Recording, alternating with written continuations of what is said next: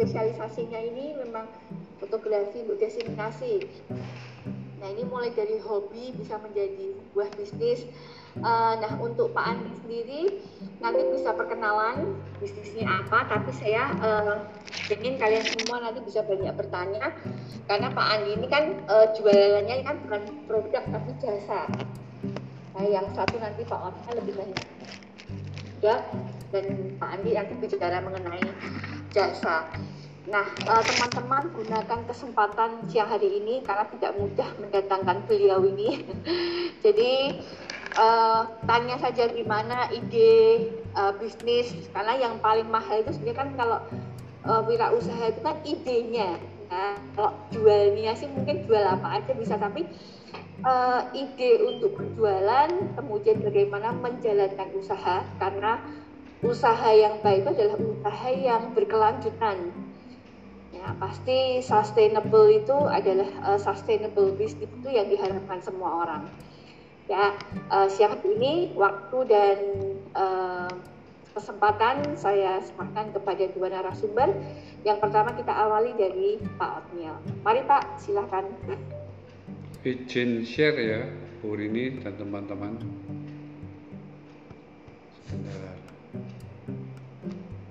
Kok ketutup malah?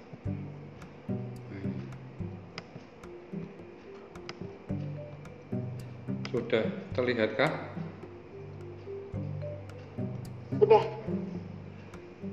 Saya memberi judul materi singkat saya ini dengan awali dari passionmu. Ya. Kalau kita tidak berawal dari passion, ya akhirnya akan loyo dengan sendirinya, gitu ya.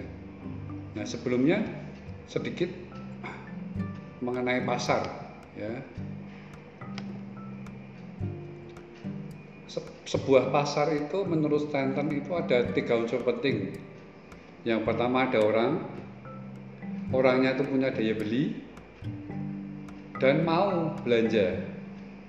Nah, ini yang harus kita cari dari sebuah pasar yang ada. Ya, jadi kalau lebih simpelnya saya coba mengcombine tiga hal yang diperlukan untuk sebuah pasar adalah yang pertama ada orang, ada daya beli dan ada keinginan. Ya, kalau ada di kuadran A, ya ada orang ada ingin tapi nggak punya uang, istilahnya nafsu besar tenaga kurang, nggak ada duit. Ya. Sebaliknya kalau ada orang punya daya beli, ya di kuadran B, tapi tidak ada keinginan, ini bisa karena orangnya memang pelit atau nggak ngerti ini produknya manfaatnya apa gitu. Sementara kalau ada keinginan, ada daya beli, tapi orangnya belum ketemu, segmennya masih belum jelas, masih cari-cari di mana kira-kira pasar yang pas. Nah, sementara pasar yang pas itu adalah ada orangnya, ya. orangnya tidak bicara fisik ya, tapi karena sekarang pasar kan meluas ke online juga ya, ada daya beli dan ada keinginan di situ. Nah itu baru klop terjadi tukar menukar uang di situ. Ya. Nah yang menarik ini data dari Kompas saya kutip ya. ya. Ada kenaikan pemakai internet ya mencapai 73 persen. Ini luar biasa sekali. Ya, kalau kita melupakan ini ya kita akan ketinggalan. Cerita aja sedikit bahkan di kantor saya saya ini kan berjualan mobil merek Mitsubishi ya. Itu kalau mungkin expander udah pada dengar ya Pajero udah pada dengar ya. Truk kalau diesel mungkin kepala kuning itu juga pada dengar nah mungkin ini jarang didengar L300 ya. ini pembelinya adalah orang-orang di desa ya yang mungkin notabene sinyalnya susah. Tetapi kami mulai menggarap secara virtual. Apalagi kondisi sekarang kan susah untuk ketemu, mengumpulkan orang kan izinnya berlapis harus izin satgas, covid, harus izin polisi ya. Makanya kita melakukan acara-acara virtual untuk kelas-kelas pembeli L300 yang notabene pedagang sayur, pedagang sapi gitu ya, petani yang mungkin tidak familiar dengan sum-sum seperti ini gitu ya, tapi kita lakukan. Nah ini kenapa? Karena pasarnya ada di situ, mulai bergeser ke situ. Nah, nah sedikit tadi kita mengenal soal pasar ya. Untuk mendekati pasar itu langkah-langkahnya saya coba persingkat dengan 5K ya. Awali dengan komunitas dulu. Kita harus punya komunitas dulu ya. Di Semarang ini ada satu uh, restoran cukup terkenal namanya Lombo Ijo ini ya. Dan ini ada E Plaza gitu, tempat komplit ada bioskop, ada entertainment gitu. Ini pemiliknya banyak orang gitu ya jadi kalau si A punya teman 2000 si B punya teman 2000 si C punya teman 2000 si B D punya 2000 si E punya 2000 dikumpulkan udah ketemu 10.000 orang nah, ini mereka punya komunitas kalau mereka buka restoran otomatis pada datang dengan sendirinya gitu. Itu yang pertama mengenai komunitas, pentingnya komunitas. Kemudian bicara kas, ada diferensiasi di situ. Ya.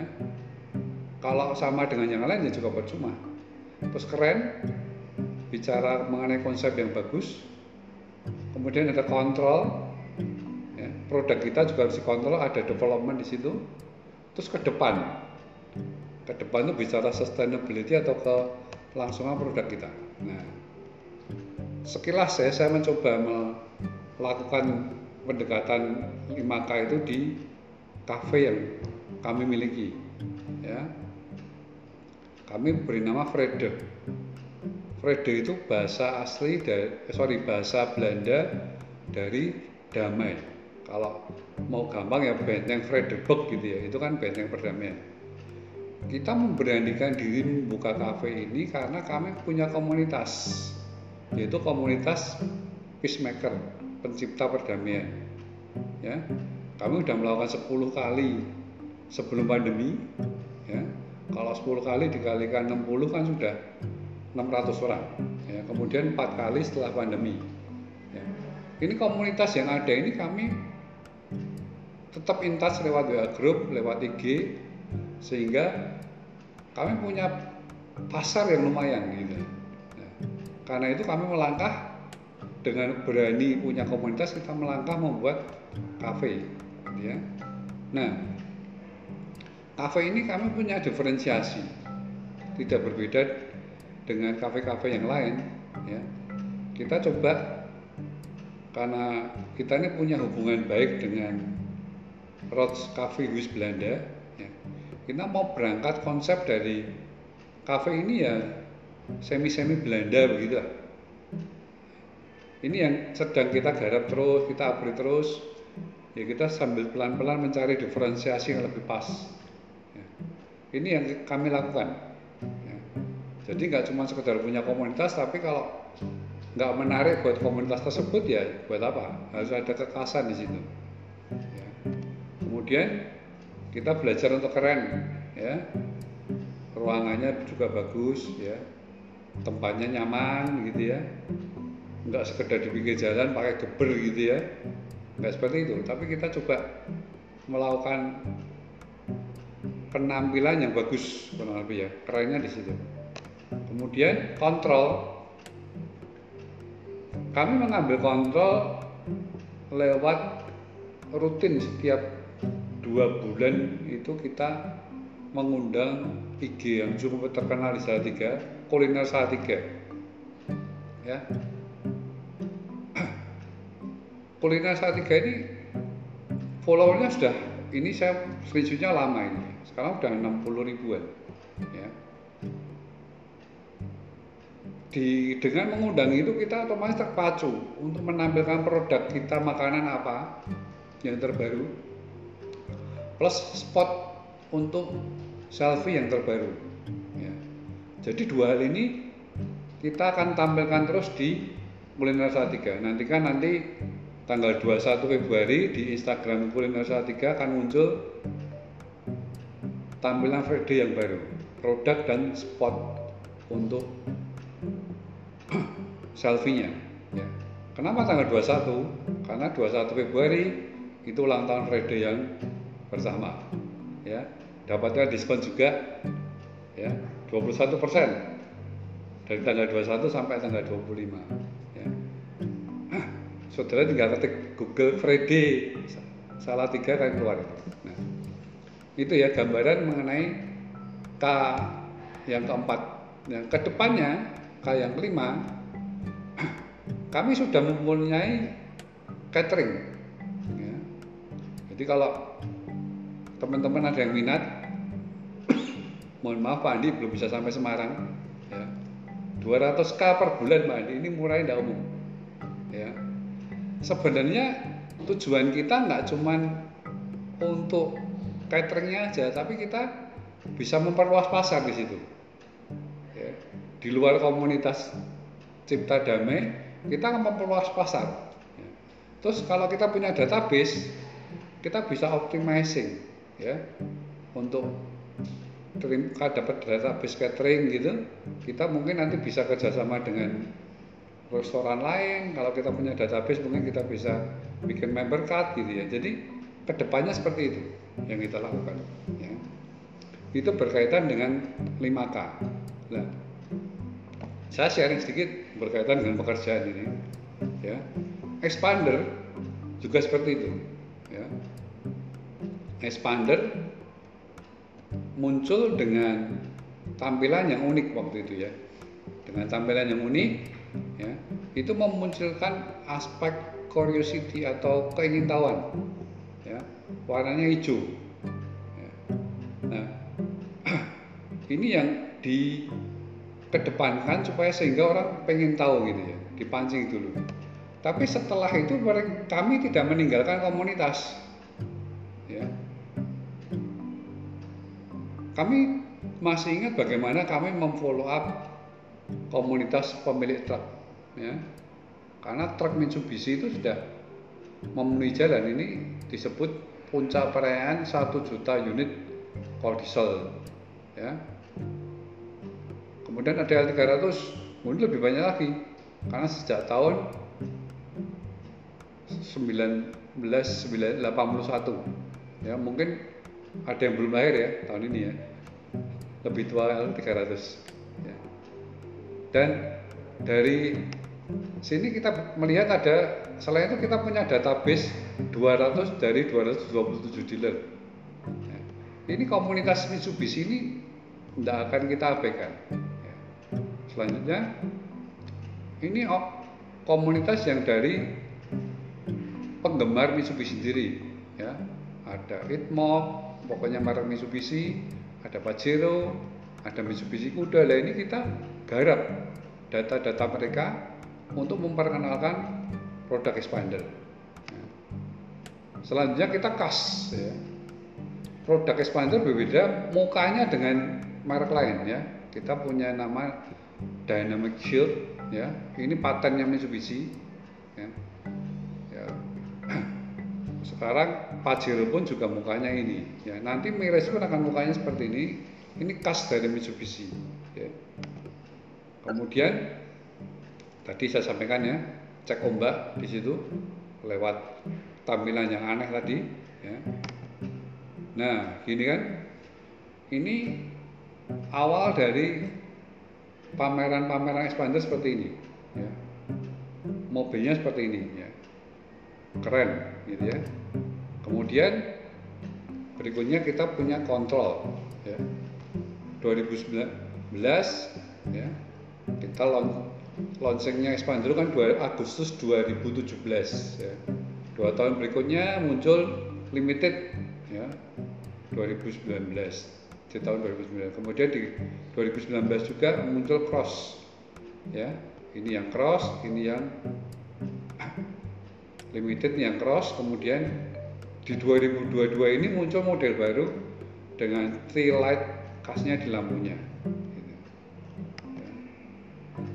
nah ini kontrol yang kami lakukan ya. Ada minor change ya. Kemudian muncul varian Rockford yang fokus ke musik gitu ya. Gitu. Jadi kita tidak berdiam diri kita akan terus melakukan. Ini yang mudah terbaru ya. jadi 5K ini ke depannya kalau bicara ke depan ya nanti akan meluncur di mobil hybrid listrik di 2023 mungkin Pak Andi mau inden silakan. Ya. jadi ini teman-teman gambaran dari simpel dari bagaimana kita mendekatkan diri ke pasar ya bagaimana itu komunitas bagaimana itu keren bagaimana itu khas bagaimana itu kontrol bagaimana itu ke depan yang harus kita lakukan ya. nah langkah awalnya jangan pusing-pusing ya yang pertama adalah sustainability-mu ketika kita masuk ke ombak ini ya. Kalau kita masuk pelung terus kelop kan tidak lucu. Ya. Ada beberapa hal yang perlu dilakukan. Ada positif attitude, ada percaya pada proses, siap secara fisik, ya.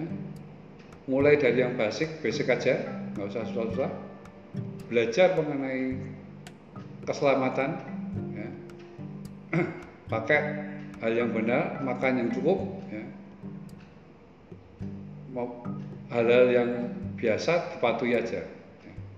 Jadi ini yang harus kita lakukan ketika kita mau melakukan usaha. Ya, jangan khawatir, tetap optimis. Tidak ada usaha yang langsung tiba-tiba celing gitu ya, sukses gitu nggak ada. Harus ikut proses. Dan tidur cukup ya. Kalau kita begadang dan usaha kayaknya nggak bisa. Karena waktu usaha nanti kerja kita siang akan salah-salah terus. Mulai dari yang basic, ya. bagaimana kita mengajak orang berbicara, menawarkan gitu ya, simpel-simpel aja. Ngerti mengenai pasar kita, water safety bicara mengenai pasar kita gimana, meng, me, investasikan dengan pas tidak over gitu ya, promosi dengan tepat. Ya pakailah sarana yang tepat, cara-cara yang tepat, ya. makan yang tepat, ya, jaga kesehatanmu, apalagi sekarang ya. Banyak aturan-aturan simpel dalam dunia usaha yang kita bisa lakukan. Sedikit ini, ya, Nabi Musa ini ya, dia bisa membelah laut merah lewat apa yang dia punya. Ya, meskipun ada Gusti Allah di situ ya, tetapi Gusti Allah tidak ngomong, ayo ambil pohon kelapa. Tidak, dia minta pakailah apa yang kamu punya. Maka Gusti Allah akan bekerja. Gitu ya. ya ini ada kalau di Alkitab ada hanya seperti ini. Ya. Nabi Musa itu pakai tongkat yang biasa dia pakai.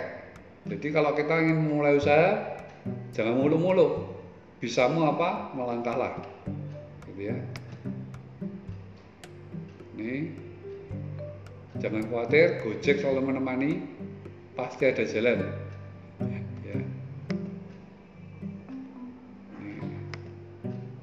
nah sedikit cek monggo ini masih capture lama sekarang saya sudah followernya 1050-an ya saya belum ganti ini ya. untuk mengembangkan dirimu komunitasmu ada berapa? Gitu. Follower IG mu ada berapa? WA-mu ada berapa? WA saya pada pagi ini ada 2.300an. Terus aktivitas gimana? Jangan punya IG tok tapi nggak pernah status atau gimana gitu ya. Terus jaringan pertemanan ini harus diawali dulu. Nah, simpel sekali zaman sekarang. Ya. Ini berkisah sedikit ya ini WA-nya istri saya followernya ternyata lebih banyak dari saya ya maklum lah mahasiswa ya followernya ketika membuat produk yang bernama makaran ini ya followernya bertambah bukan karena ibu ini melakukan aktivitas hanya posting makaran ternyata banyak jadi follower gara-gara ingin tahu harga makaran gitu ya ini ya contoh aja bagaimana kita memulai mengembangkan komunitas kita dulu.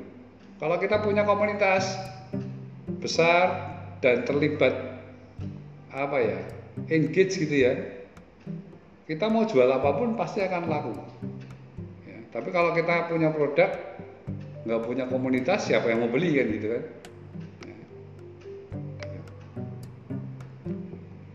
Uh, sharing saya cukup sih itu aja ya. Mungkin Pak Andi nanti bisa menambahkan berdasar pengalaman yang sudah dialami karena saya tahu Pak Andi bisa. luar biasa. Monggo. Pak bisa di close uh, share-nya bisa lihat mukanya jadinya ya. Oke. Okay.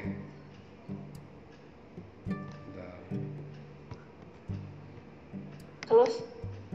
Ini sharingnya di close. Ditutup aja powerpointnya pak. Udah. Ya. oke.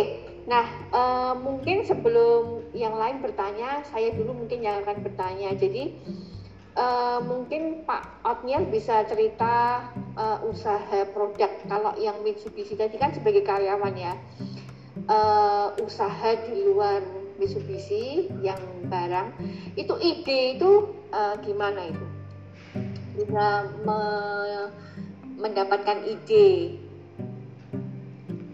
Jadi karena ini kan ini kan baru minggu keempat ini ya. Jadi mahasiswa ini kan juga saya minta untuk bikin bisnis plan. Nah nanti di akhir semester mungkin Pak Andi dan Pak Alnya kalau tidak keberatan nanti bisa bantu mendengarkan mem, apa menilai apa proposal bisnis mereka. Untuk mereka ini startup.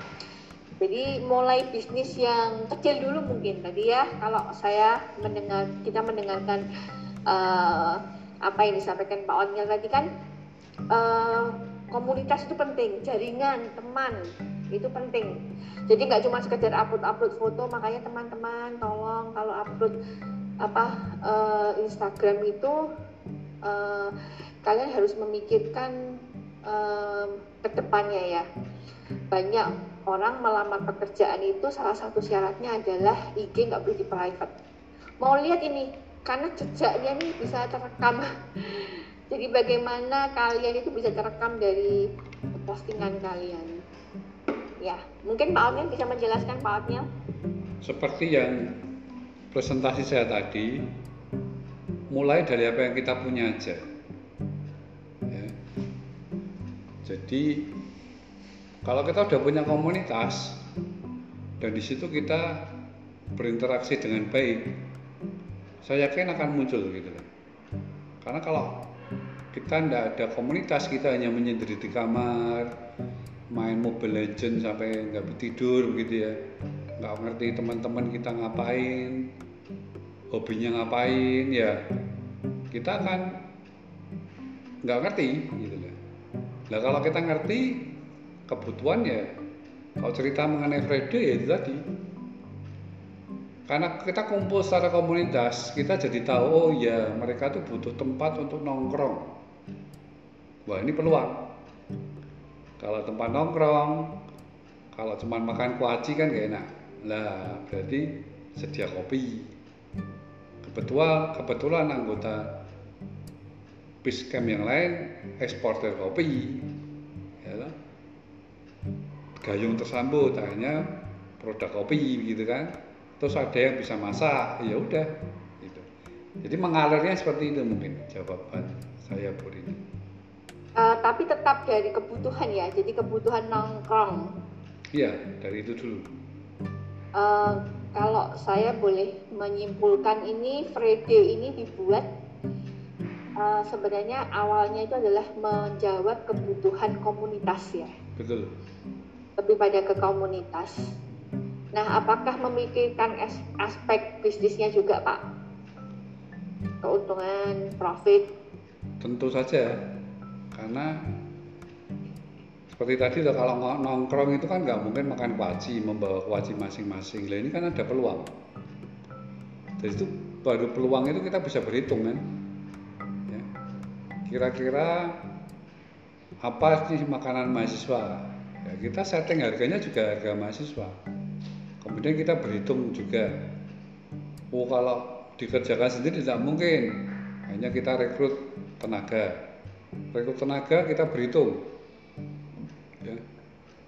biaya listrik biaya tenaga, ya, biaya wifi, ya, itu kan semua bisa dihitung. Ya. Dengan omset berapa minim harus kita capai. Kalau omset kalau omset nggak tercapai, apa yang harus kita lakukan? Promosi lah atau apa begitu. Ya, itu Jadi berhitungnya. untuk memulai bisnis itu tadi kan pertama kebutuhan komunitas. Yang kedua tadi menentukan harganya harga mahasiswa karena sudah tahu segmennya ya. Iya betul. Hmm. Oke, baik. Eh, teman-teman sekarang silahkan bertanya. Saya sudah cukup. Izin bertanya, Mem. Ya silahkan. Uh, selamat sore Pak Otniel. Sorry. Uh, saya ada uh, mahasiswa Memrini. Baik, uh, sebelumnya kan uh, saya mau menyampaikan bahwa saya sedikit, bukan sedikit tapi sangat surprise begitu ter- uh, terkait dengan apa yang disampaikan berkenaan dengan komunitas tadi ya. Karena ini dari sepanjang Pak Otniel presentasi kata komunitas itu bagi saya sangat penting sekali yang saya dapatkan dari presentasi. Nah, mengingat kalau kita ini kan sebenarnya di empat begitu ya, dan banyak banyak sekali yang saya dengarkan bahkan dari teman-teman ataupun dari orang lain mengatakan bahwa sebenarnya yang lebih penting itu adalah apa yang bisa kita kerjakan atau apa kapabilitas kita atau kemampuan kita.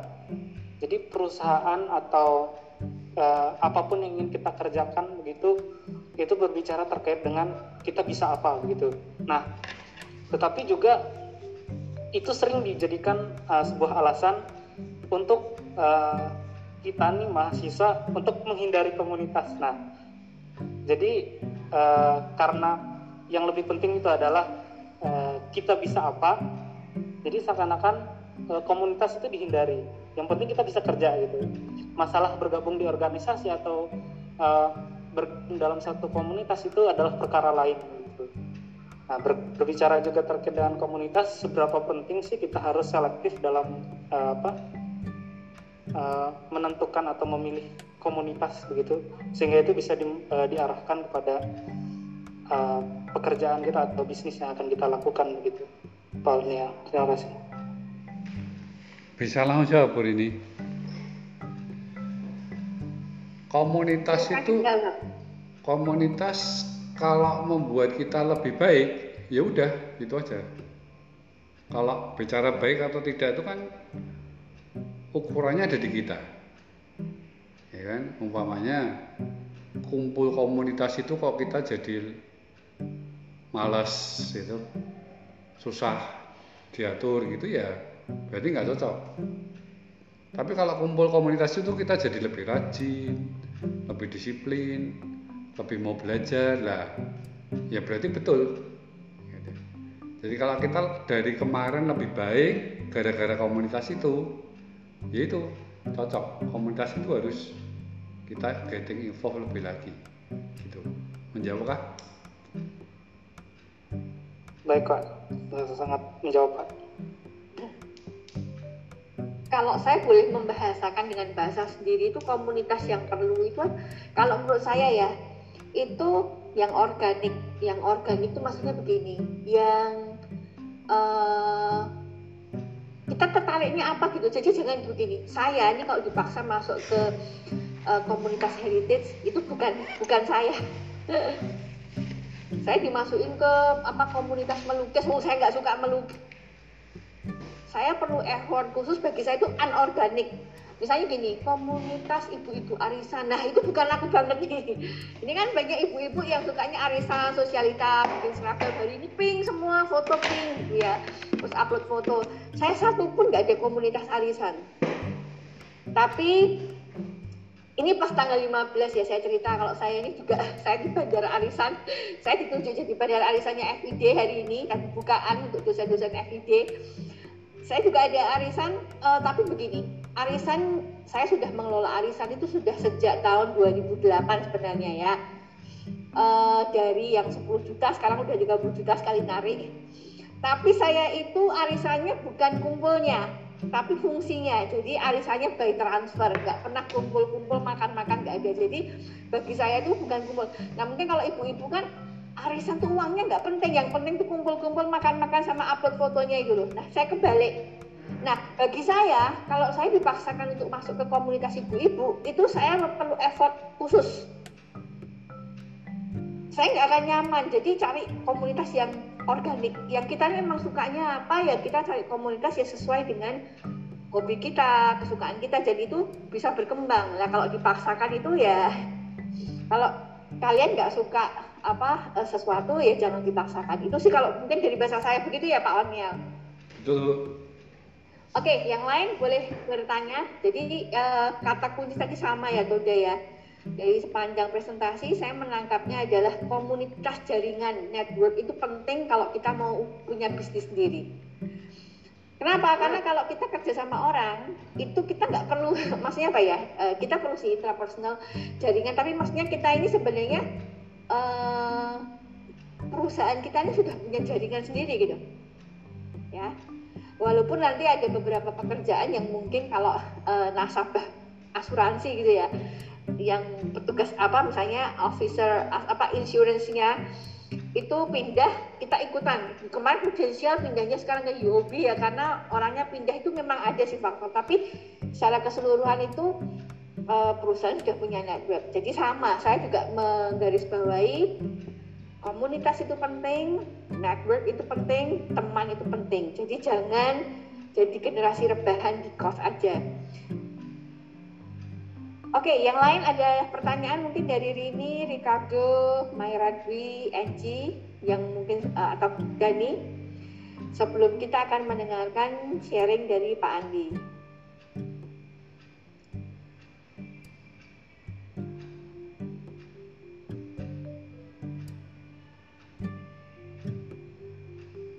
Siapa yang mau bertanya silahkan.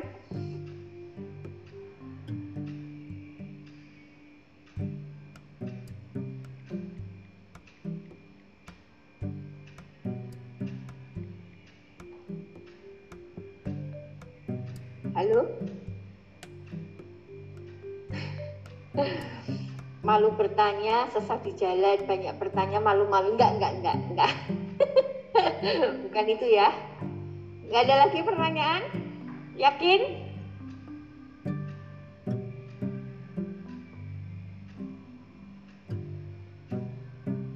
Tidak ada? Oke, uh, mungkin nanti pertanyaannya disimpan uh, di akhir kalau Pak Afnya masih bisa bergabung bersama dengan kami. Sekarang kita akan dengarkan pengalaman dari Pak Andi. Pak Andi mungkin bisa memperkenalkan diri dulu ya Pak. Jadi ini Pak Andi ini punya juga itu Pak Andi Sportak. Jadi ada uh, eh, UKSD pasang baliho ini juga lewat Pak Andi punya beberapa titik ya. Jadi teman-teman nanti kalau bikin marketing plan mau tanya harga baliho boleh menghubungi Pak Andi. Oke, okay, mari Pak Andi waktunya silahkan. Oke, terima kasih. Selamat sore semuanya. Sore. Uh, maaf. Ini kemarin dihubungi Pak Ontar agak dadat makanya enggak begitu menyiapkan materi kan kalau ada materi itu nanti akan pindah-pindah ya enggak apa-apa ya Bu. Oh enggak apa-apa Pak. Pengalamannya aja Pak. Share aja Pak. Ya uh, ini mahasiswa dari jurusan Bu?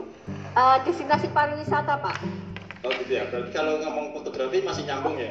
Oh enggak, ngomong yang lain juga enggak apa-apa karena ini kan mereka mungkin juga apa bisnisnya kan bisa mata-mata Oh gitu ya. Jadi memang akhir dari mata kuliah ini mereka harus buat satu bisnis plan uh, startup lah. Oh gitu.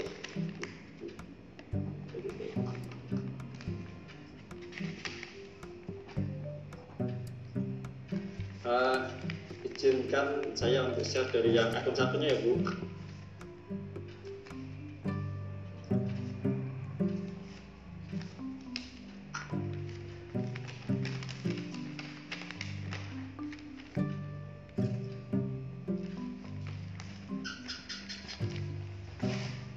Oke, terima kasih. Uh,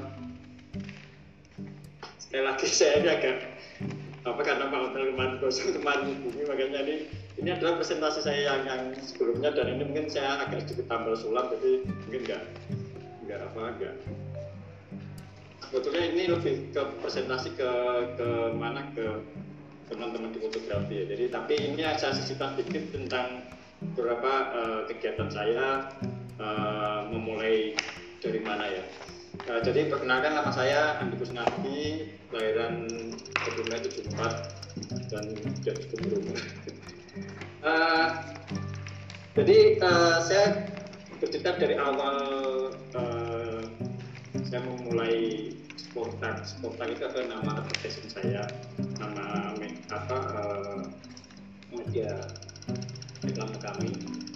Jadi dulu itu sebelum tahun 97 itu saya masih uh, bekerja di apa di otomotif namanya mobil waktu itu. Dan waktu itu saya sering ketemu Pak Otnel baik di pameran maupun di kantornya.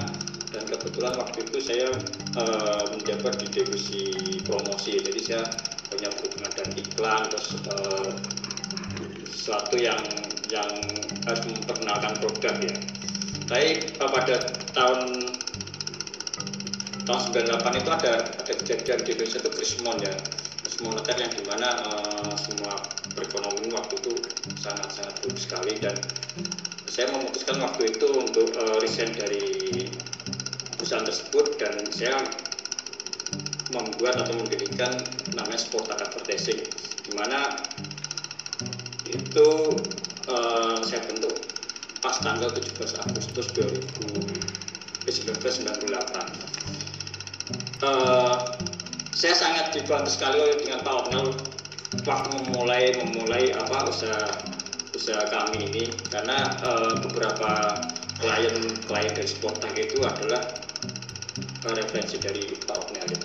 Jadi dulu uh, setelah saya keluar dari perusahaan Indomobil itu uh, saya berwira swasta ya berwirausaha dan saya memulainya dari menjual menjual apa kartu nama. Jadi kartu nama itu waktu itu saya jual masih harga tahun 98 itu masih harga 5 ribuan.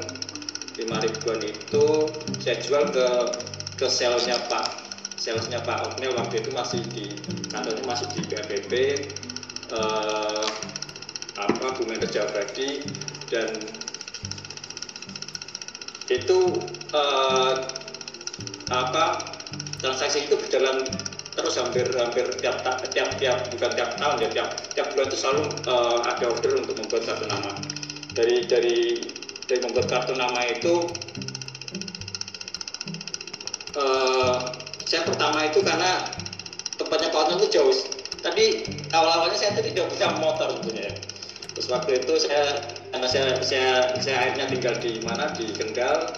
Saya ke, ke Semarangnya itu harus harus naik naik motor karena kantornya Pak itu waktu itu belum bisa uh, ada angkutan yang harus sampai ke kantornya Pak jadi harus masih harus jalan sekitar 3 kiloan ya. Jadi makanya saya pinjam motor teman itu ada teman yang kerja di BRI Kendal itu terus saya pinjam motornya tiap-tiap ngantar ngantar itu kartu nama. Jadi uh, saya berawal dari situ.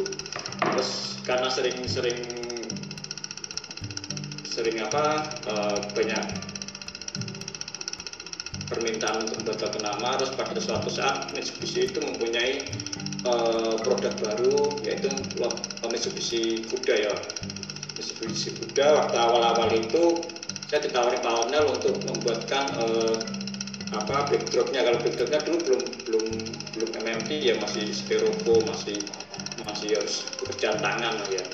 Ya itu ditawari untuk uh, pegang apa untuk dekorasinya di tiga titik yaitu Semarang, Jepara, dan Jogja untuk launching Mitsubishi Kuda.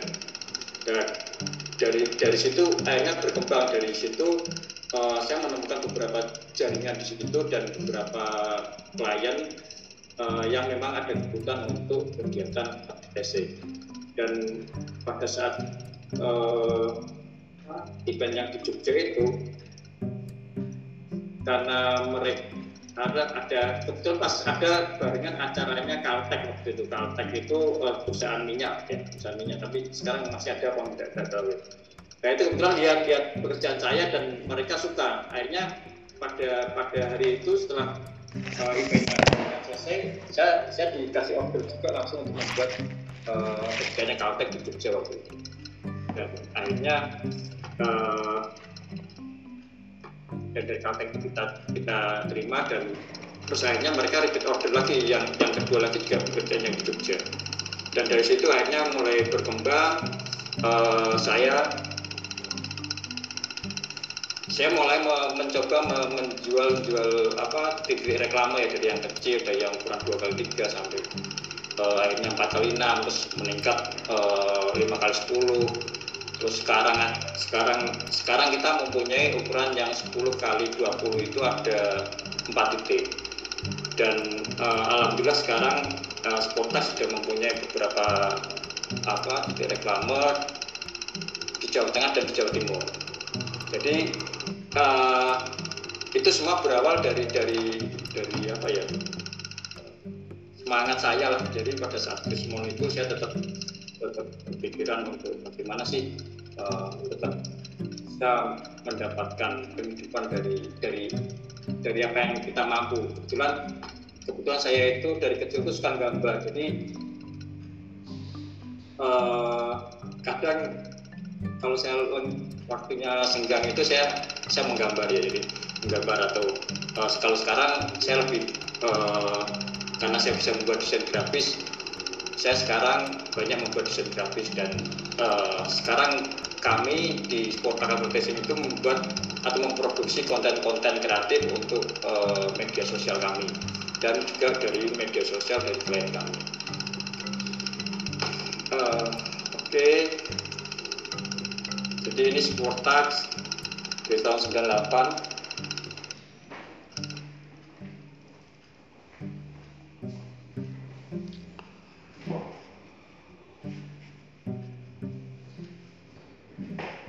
kayaknya slide-nya nggak jalan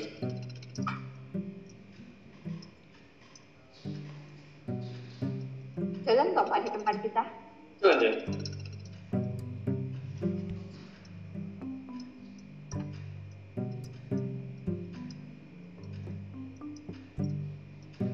Nah, ini tampilan full full full pet atau masih ini Bu? Oh, belum, belum full Pak, belum oh, ya? belum slideshow, belum slideshow.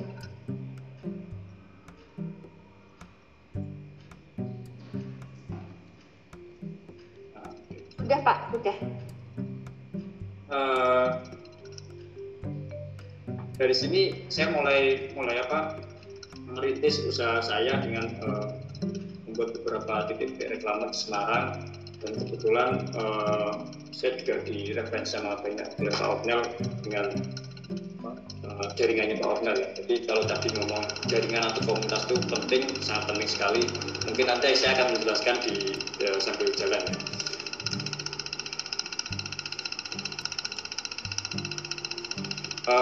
Jadi karena karena saya itu di fotografi saya akhirnya bergabung dengan komunitas fotografi. Di mana di mana di situ sangat banyak ketemu dengan orang. Jadi uh, penghobi fotografi itu bukan sepenuhnya orang yang yang cuma motret tapi mereka juga punya bisnis lain. Dan dari situ pun akhirnya uh, beberapa apa uh, medianya Sportak pun banyak dipakai teman-teman juga ya. ini kebetulan uh, saya di tahun 2013 itu menjadi ketua komunitas fotografi Semarang terus tahun 2014 saya membuat uh, Semarang fotografi event di mana Semarang fotografi event ini adalah kayak EO-nya EO-nya fotografi ya jadi uh, di situ kita membuat uh, kegiatan apa trip, membuat kegiatan lomba, membuatan dan seminar, dan foto dan macam-macam dan itu berbayar ya uh, ini tadi yang saya jadi apa uh, salah satu kontributor di majalah Linkersnya Citylink ya.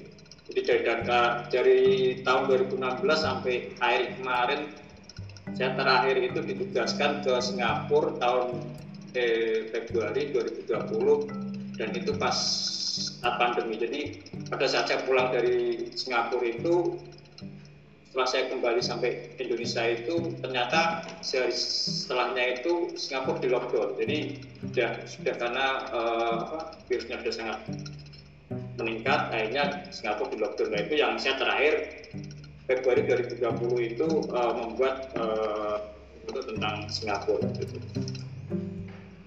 Uh, dan saya juga uh, menjadi penguji penguji sertifikasi kompetensi fotografi ya jadi uh, saya yang yang yang menguji teman-teman yang ingin mendapatkan sertifikasi kompetensi di fotografi. Jadi teman-teman yang sekarang kan sudah mulai mulai sudah mulai dilaksanakan bahwasanya setiap kegiatan yang dilaksanakan oleh pemerintah atau BUMN itu harus memiliki sertifikasi dan ini sangat penting sekali buat teman-teman yang uh, bergerak atau ingin uh, apa mencari mencari pencarian dari fotografi ya. Uh, ini saya jadi ketua di APFI Asosiasi Profesi Fotografi Jawa Tengah tahun 2017 dan saya juga di tahun itu juga menjadi wakil wakil apa ketua kadin di bidang multimedia dan informasi teknologi. Dan di masa pandemi ini saya membuat uh, program namanya fotografi from home di mana uh, kegiatannya adalah semuanya serba online. Jadi kegiatan yang yang dilakukan dari rumah. Di situ uh, kami memulai di bulan April 2020 kalau nggak salah. Dan dan itu berlangsung sampai sekarang. Jadi akhirnya akhirnya karena kegiatan kita konsisten dan kontinu itu kita membuat membuat sebuah grup namanya fotografi program dan di situ uh, kita membuat wadahnya. Jadi kalau kalau bahasa marketing itu kita membuat wadahnya terus mengisi ikannya nanti kita mancingnya gitu ya. Ya ini salah satunya dari itu. Uh, dari kegiatan itu dari kegiatan ini fotografi program itu beberapa kegiatan itu bisa kita lakukan seperti misalnya uh, apa uh, trip foto trip. Uh, kita sudah membuat kegiatan foto trip itu di Sumbawa Barat dan di Labuan Bajo pada saat uh, kegiatan fotografi forum ini. Dan pada tidak cuma itu kita juga membuat uh, merchandise berupa kaos dan itu sangat digemari sekali pada waktu itu sehingga uh,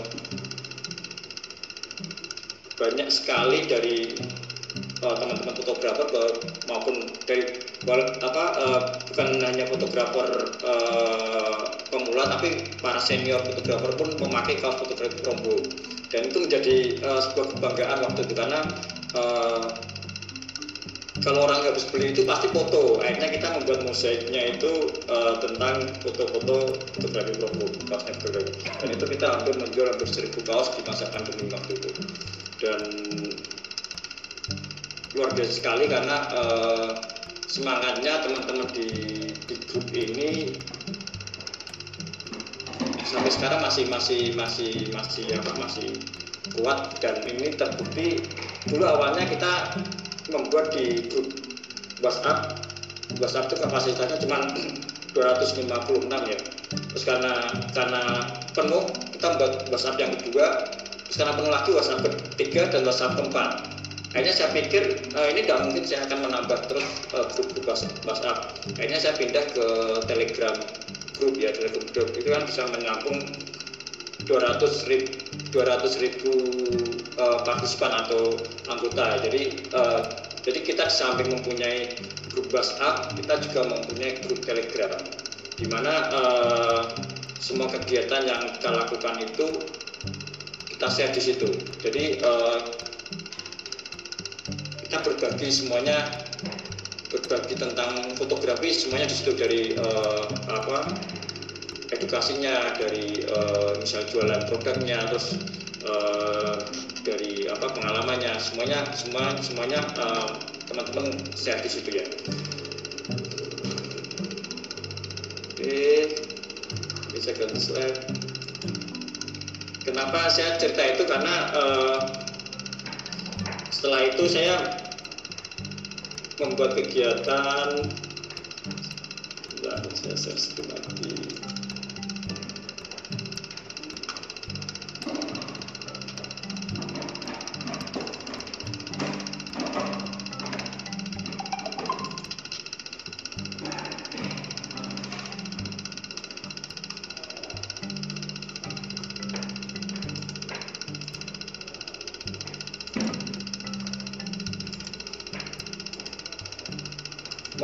saya ngambil dari dari Instagram dulu Nggak apa-apa, nggak apa-apa, nggak apa-apa. Ya.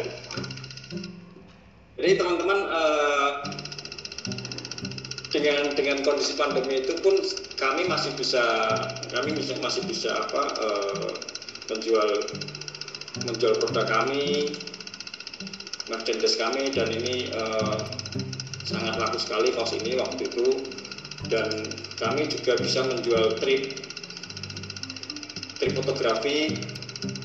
Jadi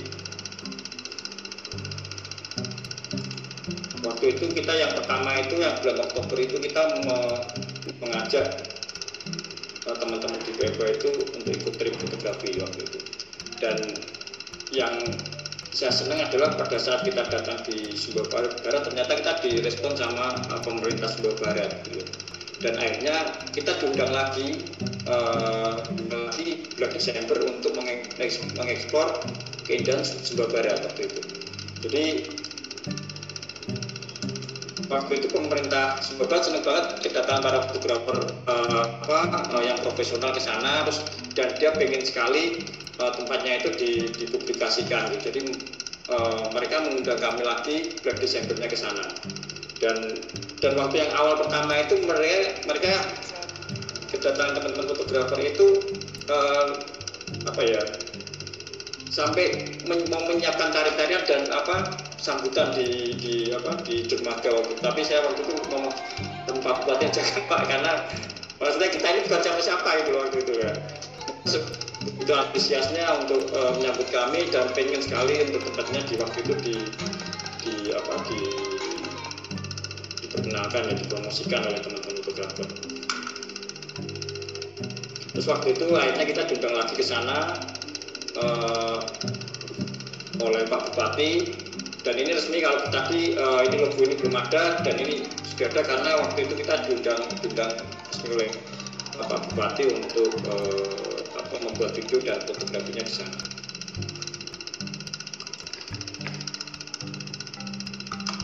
Dan tidak hanya itu karena antusiasnya masih banyak, kita trip lagi ke Labuan Bajo. Jadi karena komunitasnya itu terbentuk, akhirnya kita menjual apa pun eh, mereka ambil gitu. Dan dan pada saat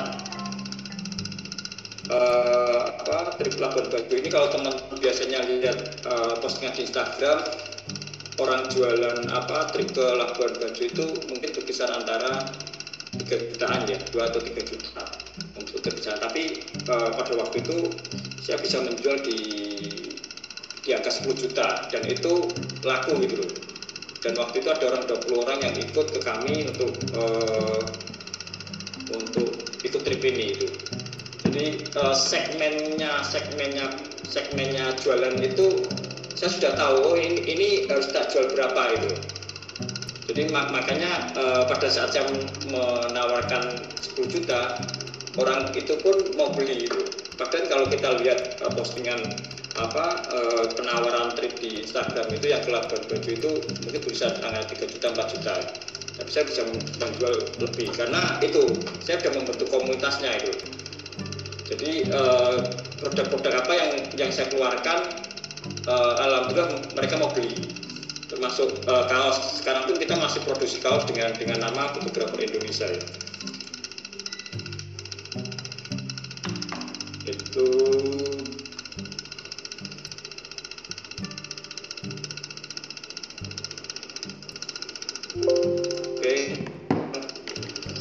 Masih masih ngomongin tentang tentang fotografi karena akhirnya saya jualannya di fotografi ya karena eh, komunitas yang saya bentuk adalah di teman-teman eh, di apa di komunitas fotografi. Tapi segmennya sebetulnya besar sekali karena kalau kalau kita lihat eh, semua orang yang sekarang itu pegang kamera ya dan fotografer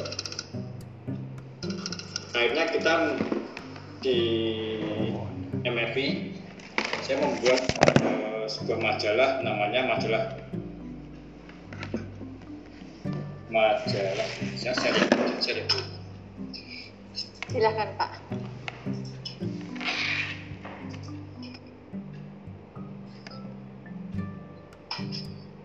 namanya majalah fotografi Indonesia atau eh majalah mata fotografi Indonesia. Jadi teman-teman teman-teman yang ada di sini kalau misalnya uh, pengen membaca itu ada di web kami website kami fotografi Indonesia.com di situ ada majalah. Nah, jadi kita sudah membuat edisi 11 edisi. Teman-teman bisa mengklik di situ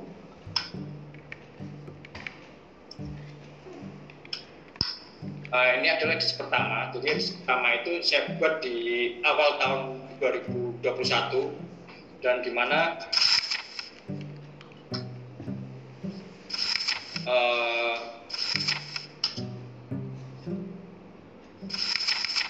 mata itu para adalah uh, para fotografer senior di jurnalistik ya.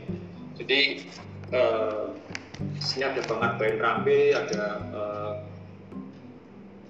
ada Bang Oscar, ada Mbak Merisa, ada Mbak ada Bang Dino, ada Mbak Meli, dan ini teman-teman dari uh, media besar dari Kompas, dari media Indonesia, dari Reuters, ada juga dari Post juga ada.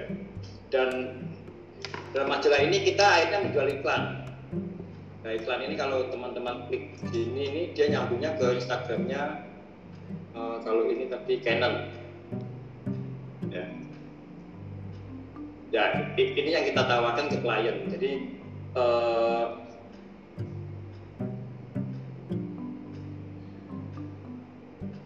kayaknya kata punya hobi itu kita menjual uh, produk berupa majalah dan kita menjual iklannya Nah, alhamdulillah uh,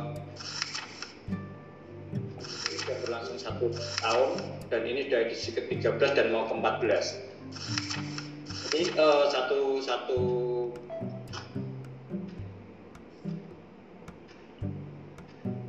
bulan ini kita tawarkan tujuh setengah ya. Jadi tujuh setengah itu kalau uh, satu satu majalah itu ada ada 15 halaman iklan. Jadi uh, ini cukup membuat apakah jadi kalau uh, teman-teman uh, punya passion tadi menurut apa punya passion dan uh, itu memang diseriusi itu bisa membuatkan uh, bisa mendapatkan penghasilan yang tersebut.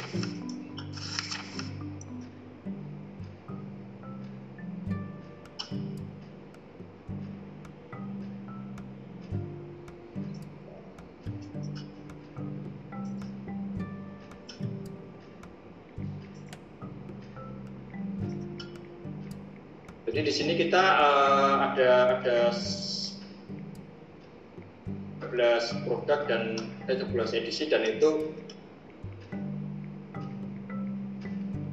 materi artikelnya adalah dari teman-teman teman-teman seluruh Indonesia. Jadi kenapa tadi kita ngomong tentang komunitas dan uh, kita membangun jejaring itu adalah pentingnya uh, gimana kita bisa bisa menggerakkan apa industri kreatif ini bersama-sama itu. Jadi kalau kalau kita ngomong kita gerakan sendiri pasti akan berat karena majalah mata ini adalah bercerita tentang Indonesia. Jadi kalau teman-teman redaktur itu adalah orang-orang misalnya orang Jawa akan akan akan sangat susah sekali kalau uh, kita akan bercerita tentang daerah lain karena pasti akan butuh banyak uh, biaya dan anggaran untuk harus sampai ke sana itu. Ini misalnya uh, dari Nias, ini teman teman redaktor dari Nias, uh, Mas Ferdi Siregar kebetulan dia dari oh, agak agak lemot ini.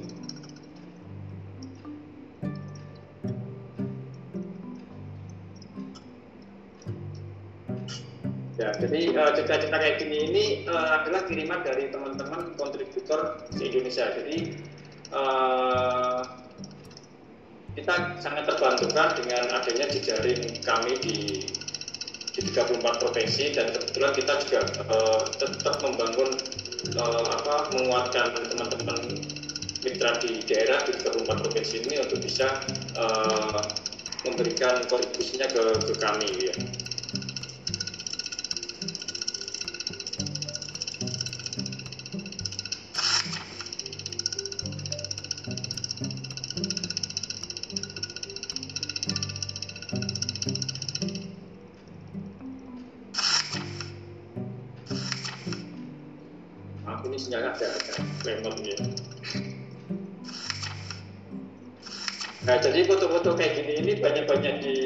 Disumbang juga dari teman-teman. Jadi eh,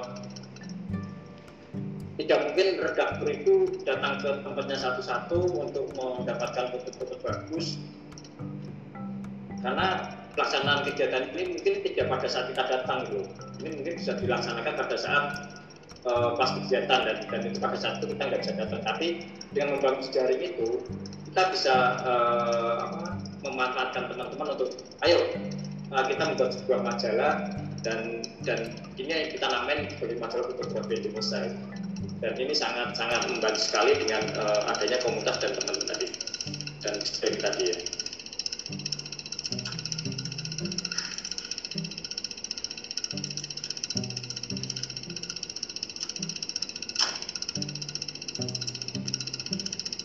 Oke, itu terus uh, selanjutnya adalah kita sekarang sudah mulai sudah memulai. Kalau dulu memang semua orang diwajibkan untuk work from home ya atau atau uh, apa semuanya dari rumah ya. Karena sekarang juga sudah mulai sudah mulai apa sudah mulai turun walaupun sekarang sudah naik lagi ya. Kita uh, mengembangkan beberapa beberapa produk kita dari dari uh, apa yang tadi sudah kita lakukan dan sekarang kita membuat kegiatan namanya adalah program dosen tamu dan itu itu disupport oleh tujuh, tujuh kampus di Indonesia yang punya mempunyai studi fotografi. Jika saya share.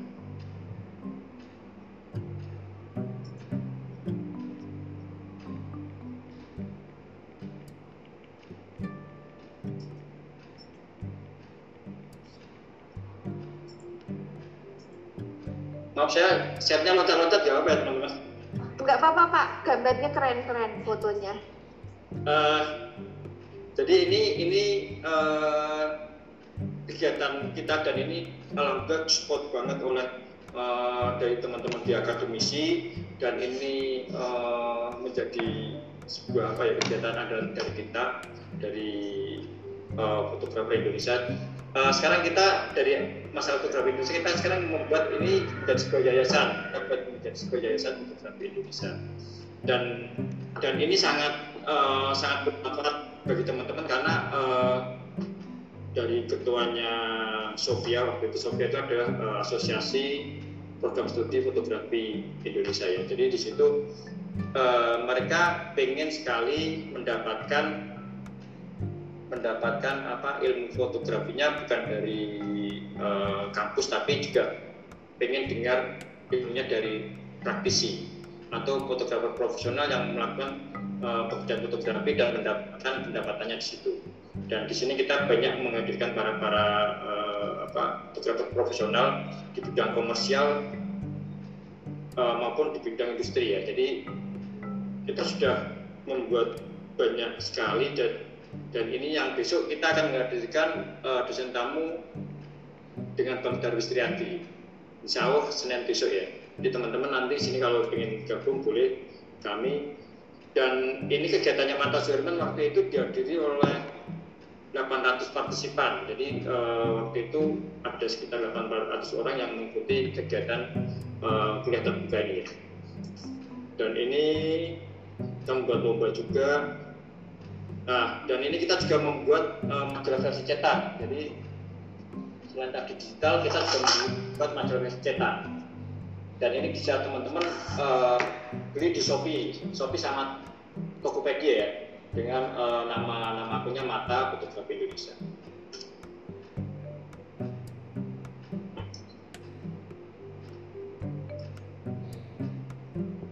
Ini kita juga menghadirkan apa uh, fotografi industrial dan di sini uh, apa kita tentang uh, bagaimana memotret apa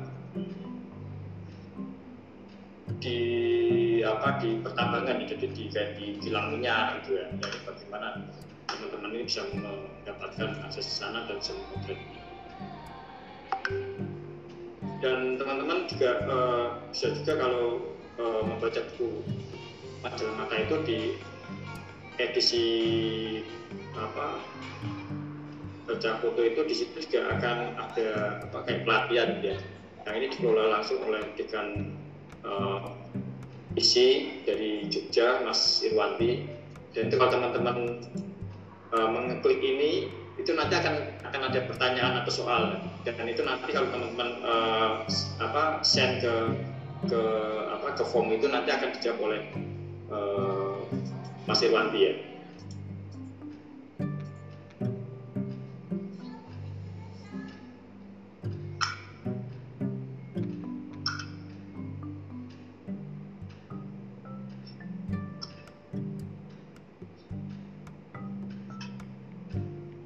dan ini yang yang uh,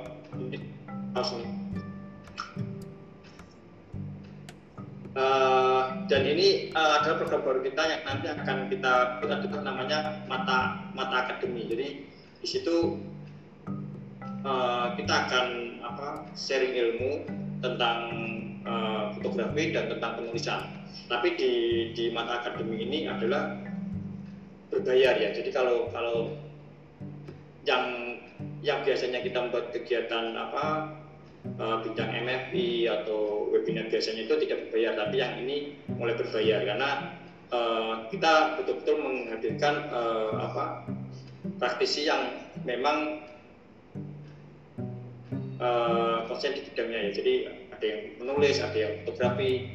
Jadi kita mengajarkan di situ. Jadi yang ini nanti akan berbayar dan ini uh, prosesnya kita kita apa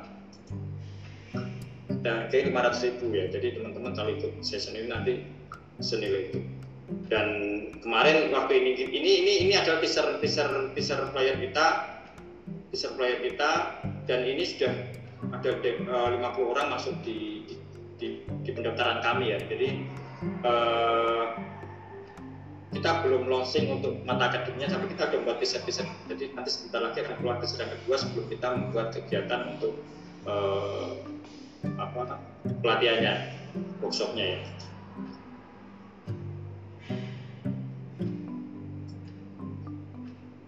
Oke, itu mungkin satu lagi.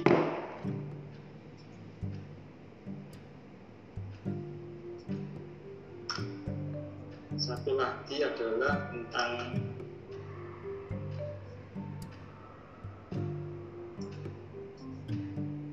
tentang kegiatan event ya event yang saya lakukan. Jadi uh,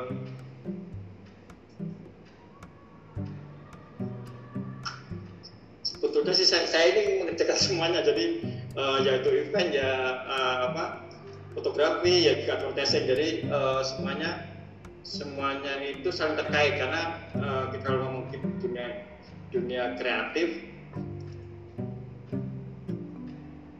pasti semuanya saling berhubungan dan dan ini adalah uh, wahana atau kawasan yang uh, kami kelola. Kebetulan uh, karena alhamdulillahnya di di advertising kami kami banyak uh, apa klien dari Ciputra Group ya. Jadi Ciputra itu mempunyai kalau di Semarang itu ada ada empat developer atau empat empat lokasi yaitu di Citra Sun Garden, Citra Grand, terus Citra Land BSB eh tiga deh kalau Semarang tiga kalau di, di Jogja itu ada eh, tiga di Semarang dan dua di Jogja jadi ada lima. Uh, jadi kebetulan uh, di itu udah motret dengan saya terus waktu itu uh, menawari saya untuk uh, mengelola uh, apa wahana bermain ini dan kawasan ini ya kawasan ini uh, mereka ingin diramekan waktu itu. Jadi tahun 2015 itu saya sudah memulai membuat kegiatan-kegiatan event di sini. Dan antusiasnya sangat luar biasa sekali. Jadi dari komunitas motor maupun mobil itu semuanya datang ke situ gitu. karena tempat kami ini sangat luas sekali dan bisa menampung lebih dari 500 unit waktu itu. Jadi semua kegiatan saya masukkan situ termasuk event-event event-event besar ya event-event uh, konser musik itu. Dan ini kita menampung sampai 25.000 orang di tempat kami.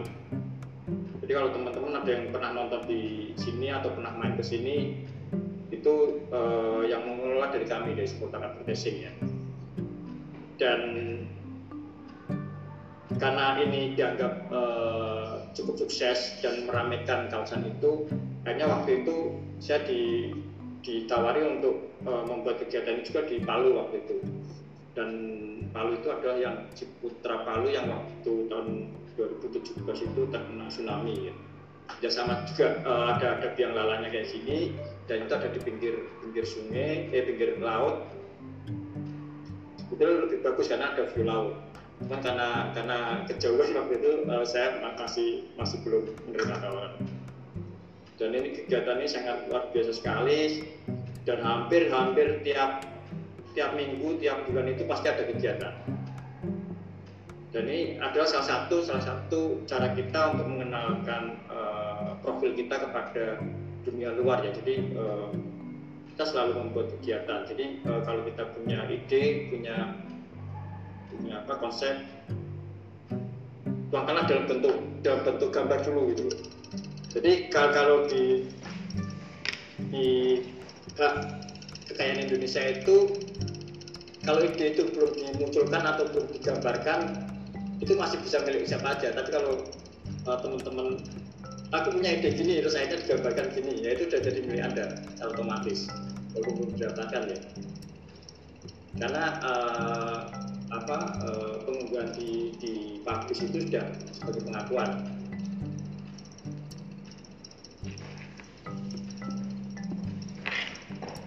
dan berikutnya juga kita akhirnya pakai dan sponsor juga masuk.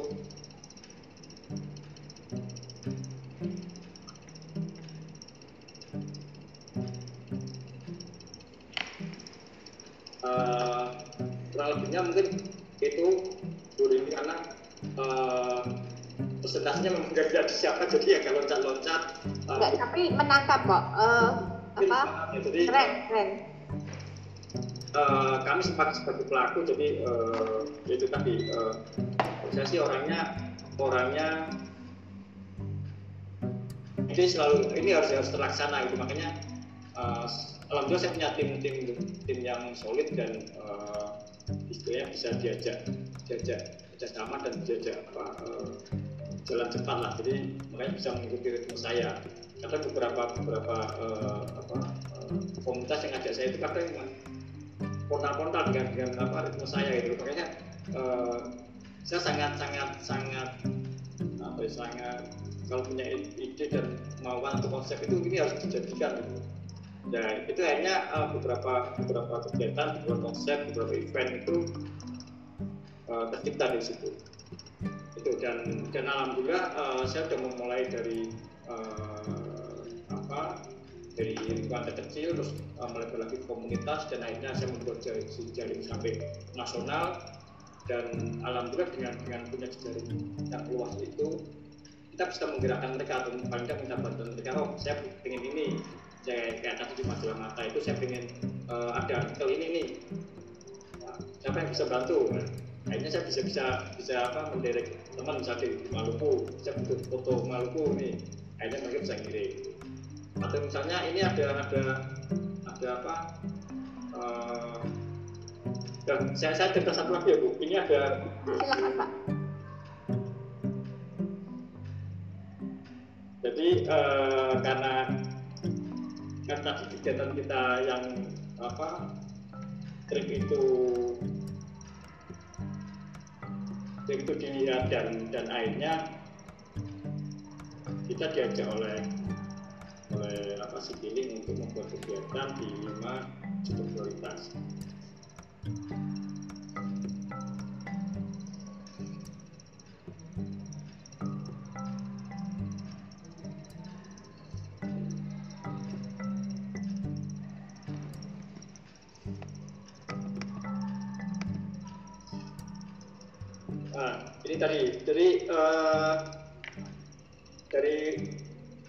Kita membuat kegiatan fotografi program secara online dari April 2020 dan kita sudah membuat uh, kita membuat komunitasnya kita membuatkan wadahnya dan akhirnya kita membuat kegiatan-kegiatan.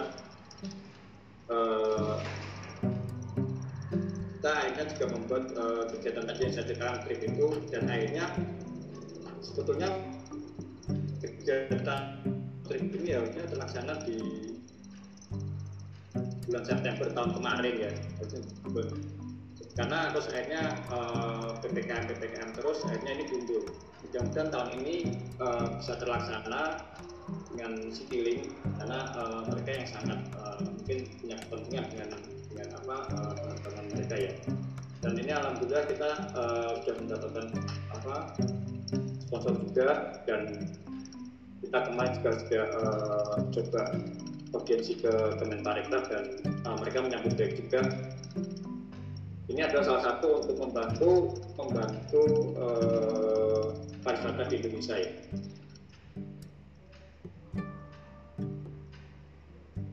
Ada legal, Jepang, tapi coba buat baju,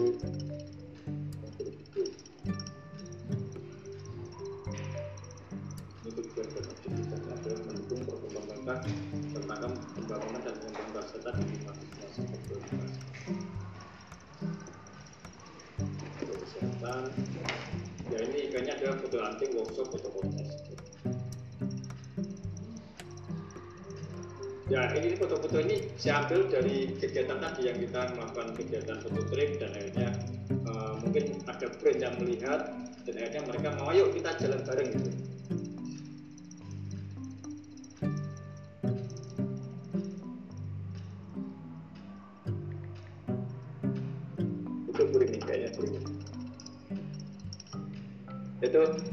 teman-teman Pak Ornel uh, makasih. Maaf kalau ada uh, salah kata atau salah penyampaian.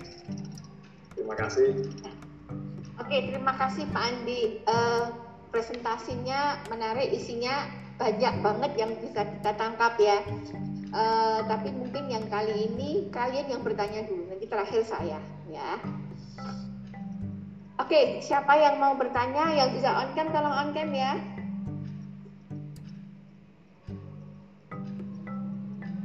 Mari silahkan yang mau bertanya menanggapi gimana idenya. Ini uh, apa namanya uh, keren ya dari suka menggambar, suka kreatif ya.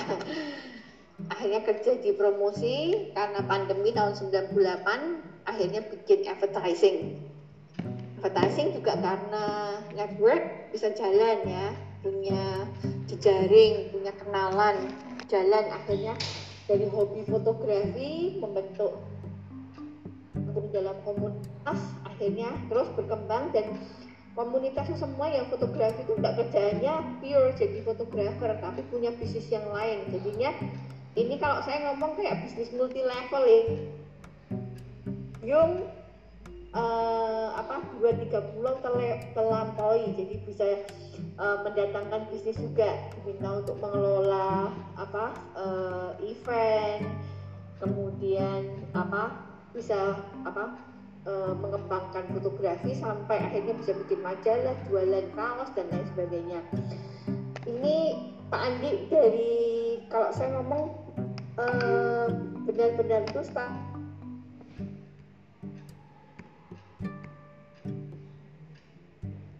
Recording in progress.